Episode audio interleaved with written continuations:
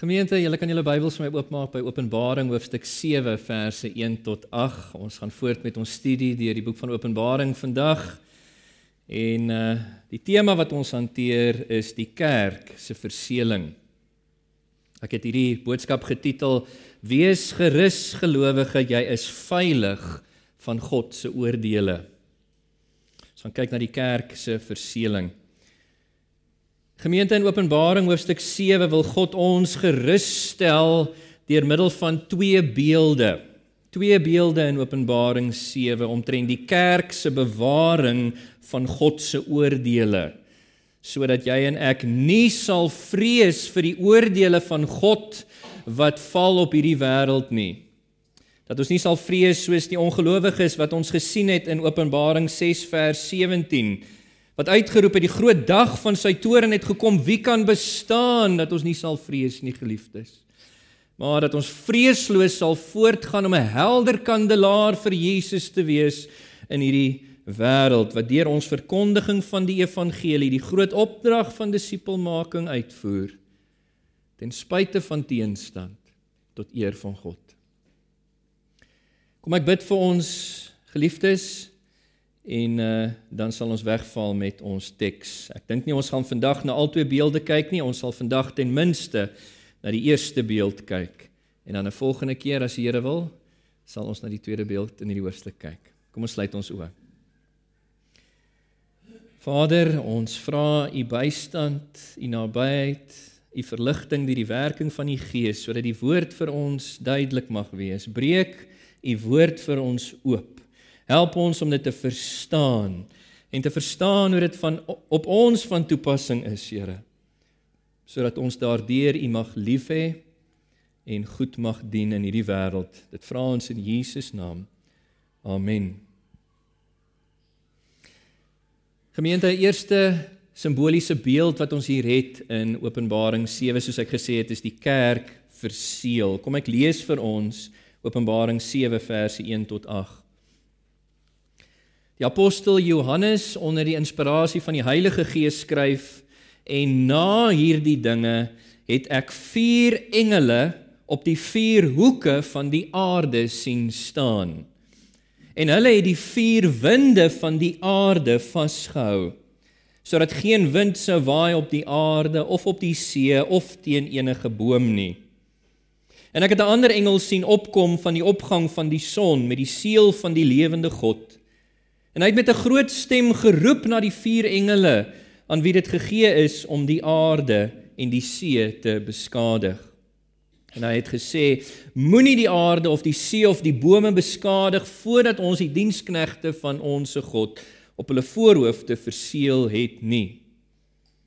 En ek het die getal van die verseëldes gehoor, 144000 verseëldes uit al die stamme van die kinders van Israel uit die stam van Juda 12000 verseeldes uit die stam van Ruben 12000 verseeldes uit die stam van Gad 12000 verseeldes uit die stam van Asser 12000 verseeldes uit die stam van Naftali 12000 verseeldes uit die stam van Manasse 12000 verseeldes uit die stam van Simeon 12000 verseeldes uit die stam van Levi 12000 verseeldes Uit die stam van Isaskar 12000 verseeldes. Uit die stam van Sebulon 12000 verseeldes. Uit die stam van Josef 12000 verseeldes en uit die stam van Benjamin 12000 verseeldes. Net tot sover uit die woord van die Here. Na Johannes se visioen omtrent die oorhandiging en die ontseeling van die boekrol wat ons nou behandel het in Openbaring hoofstukke 4 tot 6 Dit wat die lot van die Here Jesus Christus se kerk in die wêreld aan ons geopenbaar het, sien Johannes nou hier vier engele. Nou Hebreërs 1 vers 14 leer vir ons engele is dienende geeste wat gereed staan soos hierdie hier in die teks om God se wil uit te voer. En hierdie engele staan op die vier hoeke van die aarde en hulle hou die vier winde van die aarde vas. Nou ons besef ons is hier met simbolisme te doen want 'n ronde aardbol het nie letterlik vier hoeke nie, né? en die winde kan verseker ook nie letterlik vasgehou word nie. Dit is 'n simboliese beeld hierdie wat eie is aan die tipe literatuurvorm waarmee ons te doen het. Apokaliptiese profesie en Openbaring. En hierdie simboliese beeld is bedoel om aan ons waarheid te kommunikeer. Nou wat is daai waarheid wat deur hierdie beeld gekommunikeer word? Wel, in Bybelse simbolisme is die getal 4 die getal van die aarde, né? met verwysing na die vier windrigtings of die vier hoeke van die kompas: noord, oos, suid, wes. En die waarheid wat hier gekommunikeer word is dat die stormwinde van God se oordeele is nou op hierdie punt van die storielyn van Openbaring reg om te waai oor die ongelowige bewoners van die aarde. En dit gaan oor die hele aarde waai vanuit die noorde, uit die ooste, uit die suide, uit die weste. Die punt is net geen ongelowige op hierdie aarde sal oorgesien word deur die oordeele van God nie. Ons lei af dat hierdie winde spesifiek te maak het met die oordeele van God, want dit word vir ons gesê in die teks hierson vers 1 dat dit tref die aarde Die woord daar beteken aardoppervlak of land is dit dalk vertaal in julle Bybels, die aarde, dit tref die see en dit tref die bome. Nou ek wil hê julle moet gou omblaai saam met my na Openbaring 8 vers 7. Wanneer ons in die volgende parallelle siklus van visioene in Openbaring kom wat strek van hoofstuk 8 tot 11 en God se trompette van waarskuwing of sy initiële oordeele oor ongelowiges word geblaas, dan sien ons dat die trompette tref presies dieselfde dinge as wat hierdie winde tref in Openbaring 7. Openbaring 8 vers 7 en 8 sê die eerste engel het geblaas en daar het haal en vuur gekom met bloed gemeng en dit is op die aarde weer die aardoppervlak of land gegooi. 'n derde van die bome het verbrand, al die groen glas. Die tweede engel het geblaas en iets soos 'n groot berg wat brand met vuur is in die see gegooi. Julle sien dieselfde dinge word getref hier. So ons lei af dat die winde hou verband met hierdie trompette van waarskuwing of die initiële oordeele van God oor die ongelowige wêreld. Dit verwys na dieselfde gebeure. Maar geliefdes, voordat God toelaat dat hierdie stormwind van sy oordeele losgelaat word oor die aarde, wil hy eers sy diensknegte gerusstel deur die vraag van Openbaring 6 vers 17 vir ons te beantwoord. Daai vraag van die ongelowiges, die dag van sy toorn het gekom, wie kan bestaan? Die Here laat vir Johannes toe hier in die teks om 'n ander engel te sien in verse 2 en 3. Nou let op, hierdie ander engel kom op by die opgang van die son. Hy het die seël van die lewende God. Hy roep met 'n groot stem: Moenie die aarde of die see of die bome beskadig voordat ons die diensknegte van ons God op hulle voorhoofde verseël het nie. Elkeen van hierdie elemente is belangrik. Jy sien hierdie ander engel word vir ons in die teks gedifferensieer van die vier wat ons nou al reeds van gehoor het in vers 1. Sy doel is anders. Dit is nie om die stormwinde van God se oordeel los te laat sodat dit waai oor die aarde nie. Sy doel is om hierdie uitspraak van hoop te maak wat ons het in vers 3. Hierdie engel het die seël van die lewende God waarmee hy die diensknegte van God wil verseël teen die winde van oordeel wat sal begin waai oor die ongelowiges met die blaas van die trompette. En nou kan ons vra wat is hierdie seël? Wat is die betekenis van hierdie seël? Ag liefde, soos ek vir julle al reeds gesê het met die inleiding tot hierdie boek dat baie van feitelik al die stellings wat gemaak word, al hierdie simboliese beelde wat ons het in Openbaring, is gegrond gewortel in die Ou Testament. Toe Johannes op Patmos geskryf het, was hy vol van die waarheid van God se woord. En uh, ek wil hê julle moet saam met my blaai na Esegiel hoofstuk 9 toe. Verse 2 tot 6 wat die agtergrond vir ons is van hierdie simboliese beeld in Openbaring 7 vers 1 tot 8. Jesegiel 2 of 9 jammer verse 2 tot 6.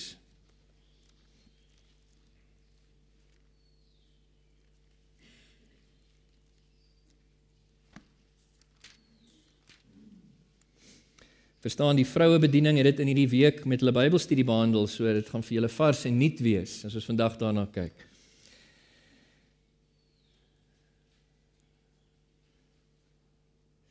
Die konteks hierso is God wat sy oordeel oor sy wederstrewige volk wou bring. Nou luister wat sê die teks, Jesegiel 9 vanaf vers 2. En kyk, ses manne kom met die pad van die boonste poort wat na die noorde toe lê en elkeen met sy wapen in sy hand om mee te verbrysel. En onder hulle een man wat met linne bekleed was met 'n skrywer se inkpot aan sy heupe.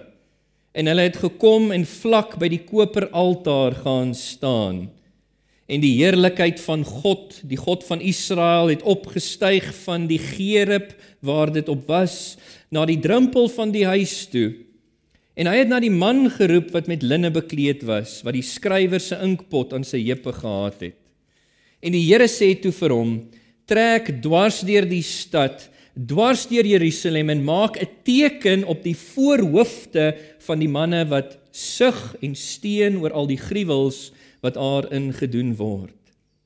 Maar aan die ander sê hy voor my ore trek agter hom aan deur die stad en slaan Laat julle oog nie verskoon nie.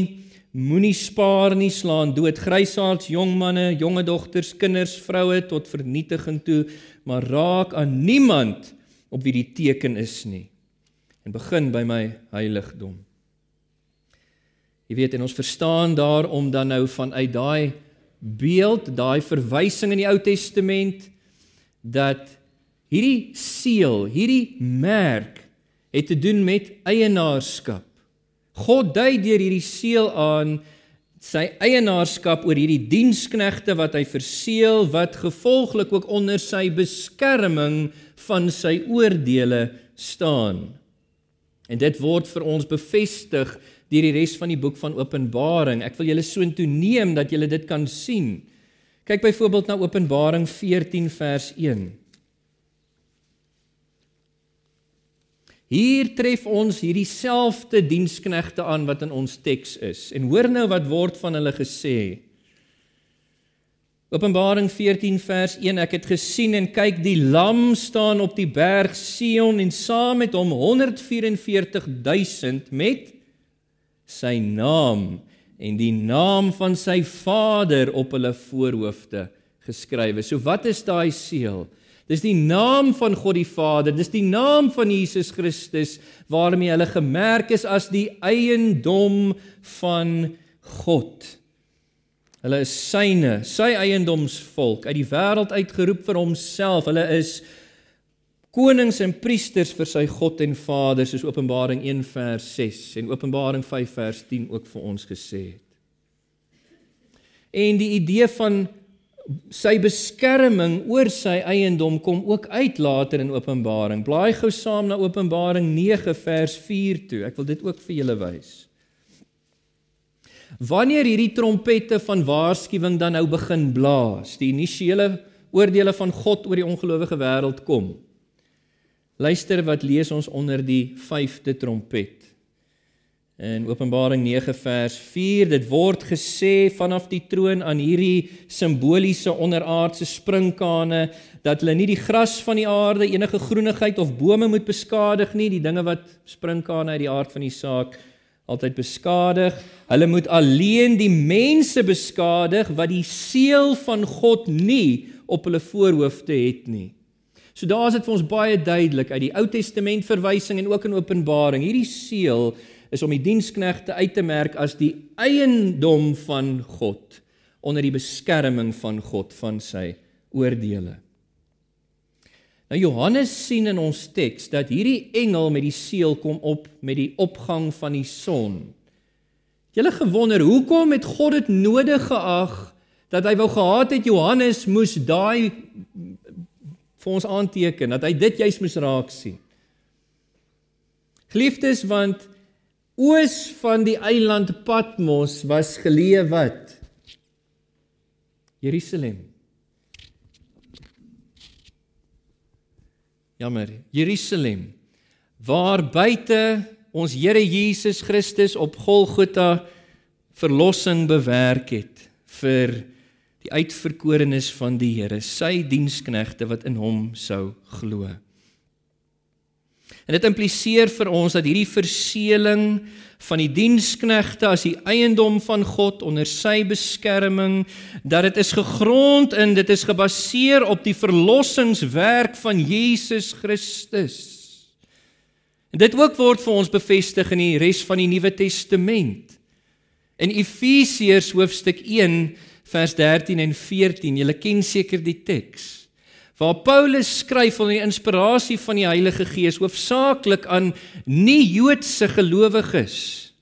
En hy sê vir hulle deel van die seëninge wat julle ontvang het deur geloof in Christus is dat julle verseël is met die Heilige Gees. Hy sê in wie julle ook Jesus Christus nadat julle die woord van die waarheid die evangelie van julle redding gehoor het in wie julle nadat julle ook geglo het verseël is met die Heilige Gees van belofte wat die onderpand is van ons erfdeel let op om die eiendom te verlos tot lof van sy heerlikheid. Daar het ons weer die konnektasie met die verseëling as die eiendom van God is een en dieselfde verseëling deur die verlossingswerk van Jesus Christus vir ons wat tot geloof gekom het. Ons is verseël met die Heilige Gees van God by redding as die eiendom van God onder sy beskerming. Nou let op, God maak seker dat die hele skepping bewus is wie sy verseeldes is. God skaam hom nie vir sy diensknegte nie. Weet jy of julle dit opgetel het in die teks nie, maar daarom roep hierdie engel in ons teks met 'n groot stem. In vers 2. Wat weer galm deur die heelal om die hele skepping se aandag te trek en die skepping attent te maak op hierdie feit. Naamlik dat hy sy diensknegte verseël het as sy eiendom aan wie hy homself verbind, hulle wat onder sy beskerming is. En hierdie engel is ook getaak om hierdie diensknegte te verseël waar nie op hulle rug waar die merk dalk weggesteek kon word onder klere nie, maar op hulle voorkop waar niemand wat met hulle in kontak kom van aangesig tot aangesig dit kan mis nie. God merk hulle opsigtelik. Is iets anders wat ek ook wil hê julle moet oplet. Johannes noem dat hierdie seël behoort aan wie? Hy sê hierdie engel het die seël van die lewende God. Belangrik. Dit wil sê dit is nie 'n dooie, doof, stom, magtelose afgod op wie hulle vertrou vir hulle bewaring nie, eerder die lewende, die almagtige God van hemel en aarde wat eienaarskap oor hulle erken. Wie by magte is om hulle veilig te bewaar van sy oordeele wat kom oor die ongelowige wêreldpopulasie. Nou geliefdes, hierdie vraag moet gevra word: Wie is hierdie diensknegte? Wat so duidelik verseël is deur die Here op grond van Jesus Christus se verlossingswerk as God se eiendom en onder sy beskerming? Hulle is niemand anders nie as die kerk van ons Here Jesus Christus.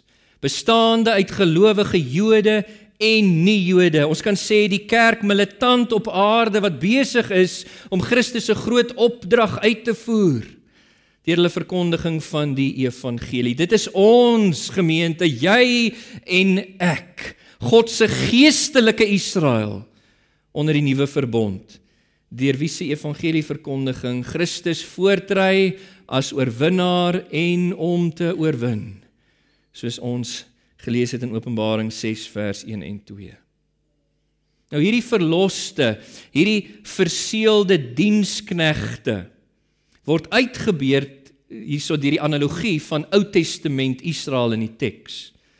Naamlik deur die beeld soos ons hier gelees het van die stamme van die kinders van Israel.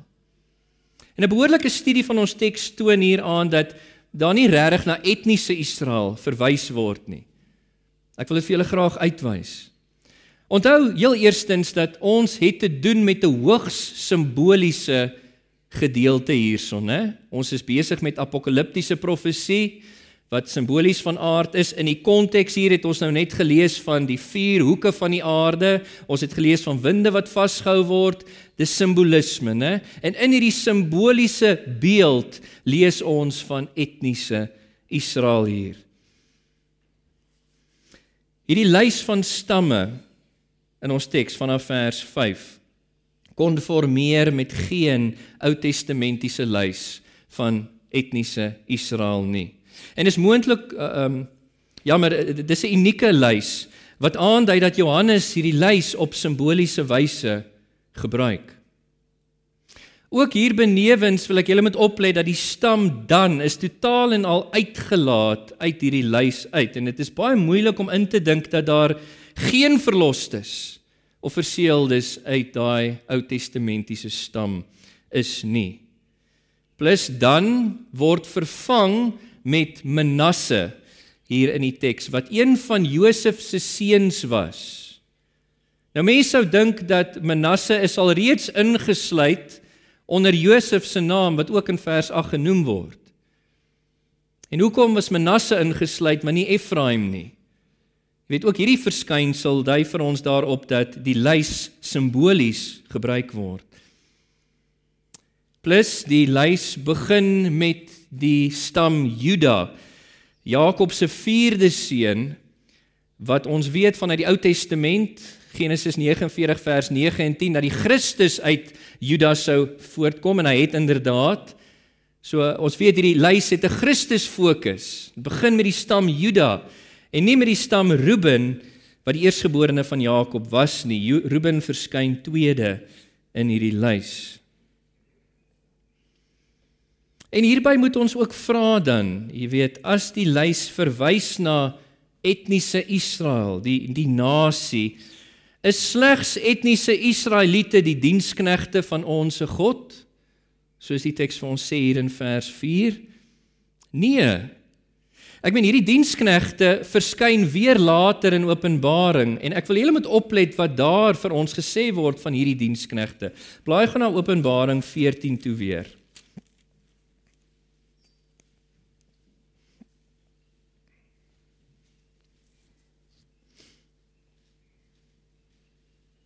Ons lees hier in Openbaring 14 aan die einde van vers 3 dat hierdie 144000 wat verseël is met die naam van God die Vader en God die Seun op hulle voorhoofde dat hulle is vrygekoop uit die aarde, die aardoppervlak, met ander woorde beteken daai woord. In ander woorde hulle kom nie net uit Palestina uit nie, maar reg oor die wêreld. Let ook op aan die einde van vers 4. Dit sê daar hulle wat gekoop is uit die mense as eerstelinge vir God en die Lam. Met ander woorde, dis nie net uit die nasie Israel nie. Hulle is onder al die bevolkingsgroepe uitgekoop. Soos die res van die Nuwe Testament vir ons duidelik maak as eerstelinge vir God. Ons moet ook vra as ons dink aan hierdie lys as die lys verwys na etniese Israel word net etniese Israeliete verlos en verseël met die Heilige Gees. Nee, soos ek vir julle uitgewys het, dit is juis aan nie Jode vir wie Paulus skryf, deur julle geloof in Christus is julle verseël met die Heilige Gees. En uh nog 'n vraag wat ons dalk kon vra is as die lys verwys na etniese Israel, word werklik net 12000, nie een persoon meer, een persoon minder verseël, gered uit daai stamme uit nie. Jy weet dit alles voeg by om die argument te maak dat ons hier te doen het met 'n beeld wat nie verwysing het na etniese Israel nie, maar na God se geestelike Israel, wie die werklike diensknegte van God onder die nuwe verbond is, die kerk. Hulle wie uit die Jode nasie is Israel, maar ook uit die nie-Joodse bevolkingsgroepe van die aarde. Ag en buitendien vir die wat nou die geskiedenis ken, wil ek ook net noem dat Johannes wat aan die einde van die eerste eeu skryf, hy weet dat aan die einde van die eerste eeu bestaan die 10 noordelike stamme grootliks nie meer nie in die jaar 722 voor Christus al toe die Assiriese wêreldmag hulle in ballingskap weggevoer het het hulle hulle nasionale bestaan verloor en uh, hy weet ook dat die twee suidelike stamme wat oorgebly het Juda Benjamin dat hulle het hulle nasionale bestaan verloor in die jaar 70 na Christus wat ons al reeds na gekyk het né toe die Romeinse wêreldmag Jerusalem ingeval het, die stad, die tempel vernietig het en hulle as gevangenes weggevoer het. Nou Johannes het nie gesien nie, maar hy hoor hier die getal van hierdie diensknegte, die getal 144000 wat baie mense al die mekaar gemaak het. As ons dan sê ons het hier te doen met 'n simboliese beeld, wat beteken die 144000? Wel gemeente, ek het vir julle met die inleiding van Openbaring gesê dat selfs die getalle in 'n simboliese boek soos hierdie het 'n simboliese konnektasie en ons het dit nou al gesien soos ons deur die boek beweeg. Waarom doen God moeite om vir Johannes te laat hoor wat die getal van die verseeldes is? Watter waarheid wil die Here aan ons kommunikeer? Wel geliefdes, ons het bietjie geraak hier aan toe ons gekyk het na die 24 ouderlinge in hoofstuk 4.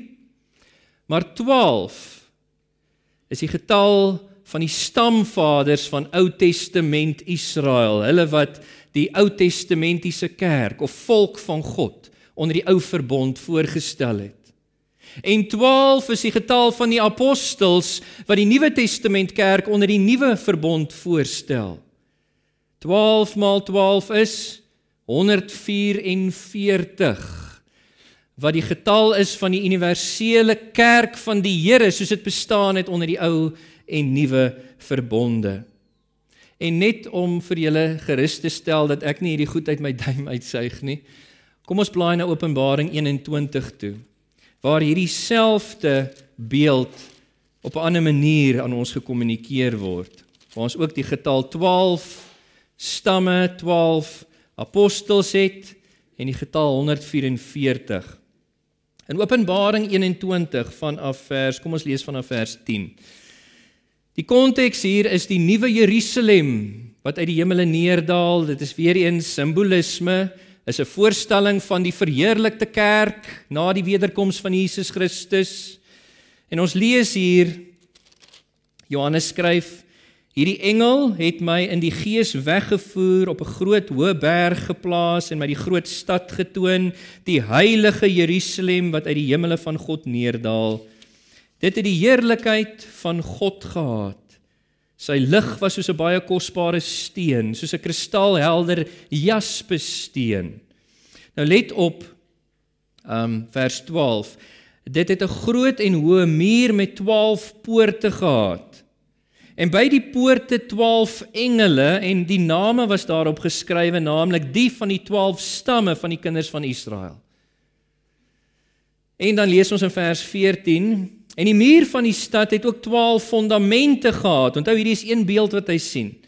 En daarop was die name weer van die 12 apostels van die Lam. So hierdie selfe beeld 12 12 en dan kyk na vers 17 hierdie muur met die 12 poorte, die 12 fondasies was gemeet op 144 L. Dit is baie duidelik uit hierdie simbool uit. Die kerk van die Here Jesus Christus en net om vir ons aan te dui dat die ware kerk soos sy eendag gaan wees in die nuwe hemel en nuwe aarde in heerlikheid na die wederkoms van Jesus Christus dat sy nie 'n klein hoeveelheid gaan wees nie word hierdie 144 gemaal met 1000. Ons het al na Openbaring 20 gekyk, ons gaan weer daarna kyk ons ons daar kom. Die getal 1000 wat die getal van volkomeheid is. In Openbaring 20 volkomeheid in hoeveelheid. Maar hier die getal volkomeheid in Wie kan sê? Volkomeheid in getal. Ja, 144000 die volledige kerk van die Here. Verseël as die eiendom van God hier terwyl sy op aarde is, besig om die groot opdrag uit te voer. onder sy beskerming van sy oordeele. Geliefdes, hierdie verseëling laat ons dink aan die beskerming van die Here uh, onder die 10de plaag, nie waar nie? As jy terugdink, uh toe die Here bekend gemaak het onder die 10de plaag sou die engel van die Here deur Egipte land beweeg om die dood van alle eersgeborenes te veroorsaak. En die Here het vir Israel, sy eiendomsvolk gevra, slag 'n jaar oue lammetjie sonder gebrek. Daai lammetjie is vir ons 'n uh, 'n tipe gewees wat vorentoe gewys het na ons eie paaslam, die Here Jesus Christus wat vlekkeloos was en vir ons verlossing geslag was. Hulle moes die lammetjie slag en hulle moes die bloed van daai lammetjie aan die deurkusyne smeer. En as die engel van die Here verbygekom het om sy oordeele te vel oor Egipte land, dan was die eiendomsvolk van God op grond van die bloed van die lam veilig beskerm in hulle huise. En dit is ook wat ons dan het hier in hierdie kosbare simbool. Ek wil pertinente toepassing vir ons maak voordat ek hierdie boodskap afsluit geliefdes. Ek wil met jou vanoggend gesels as jy weet jou saak met die Here Jesus is nie reg nie. As jy nog nie tot bekering gekom het van jou sonde nie, as jy nog nie jou geloof in die Here Jesus geplaas het nie, is jy nie deel van hierdie verlosstes en die verseeldes van ons Here nie. Dan is jy nog onder die heilige toren van God. Soos Johannes 3 vers 36 vir ons sê. En jy het rede om bang te wees, soos die ongelowiges hier in Openbaring 6 vers 17 want die stormwinde van God se oordeele sal oor jou waai deur die trompette van waarskuwing deur die die bakke van straf gerig. En uiteindelik sal jy voor Christus moet staan by sy wederkoms om jou veroordeling te ontvang vir jou keuse om in sonde te volhard in rebellie teen die Here om hom te verag sy Christus te verwerp en jy sal daar jou verdoemenis ontvang tot 'n ewigheid van bewuste pyniging in die vure van die hel. Dis 'n realiteit gelowige of geliefde, jammer. Dis 'n realiteit. Sonder bekering en geloof in die Here Jesus, as jy nie sy eiendom nie, is jy nie onder sy beskerming van sy oordeele nie.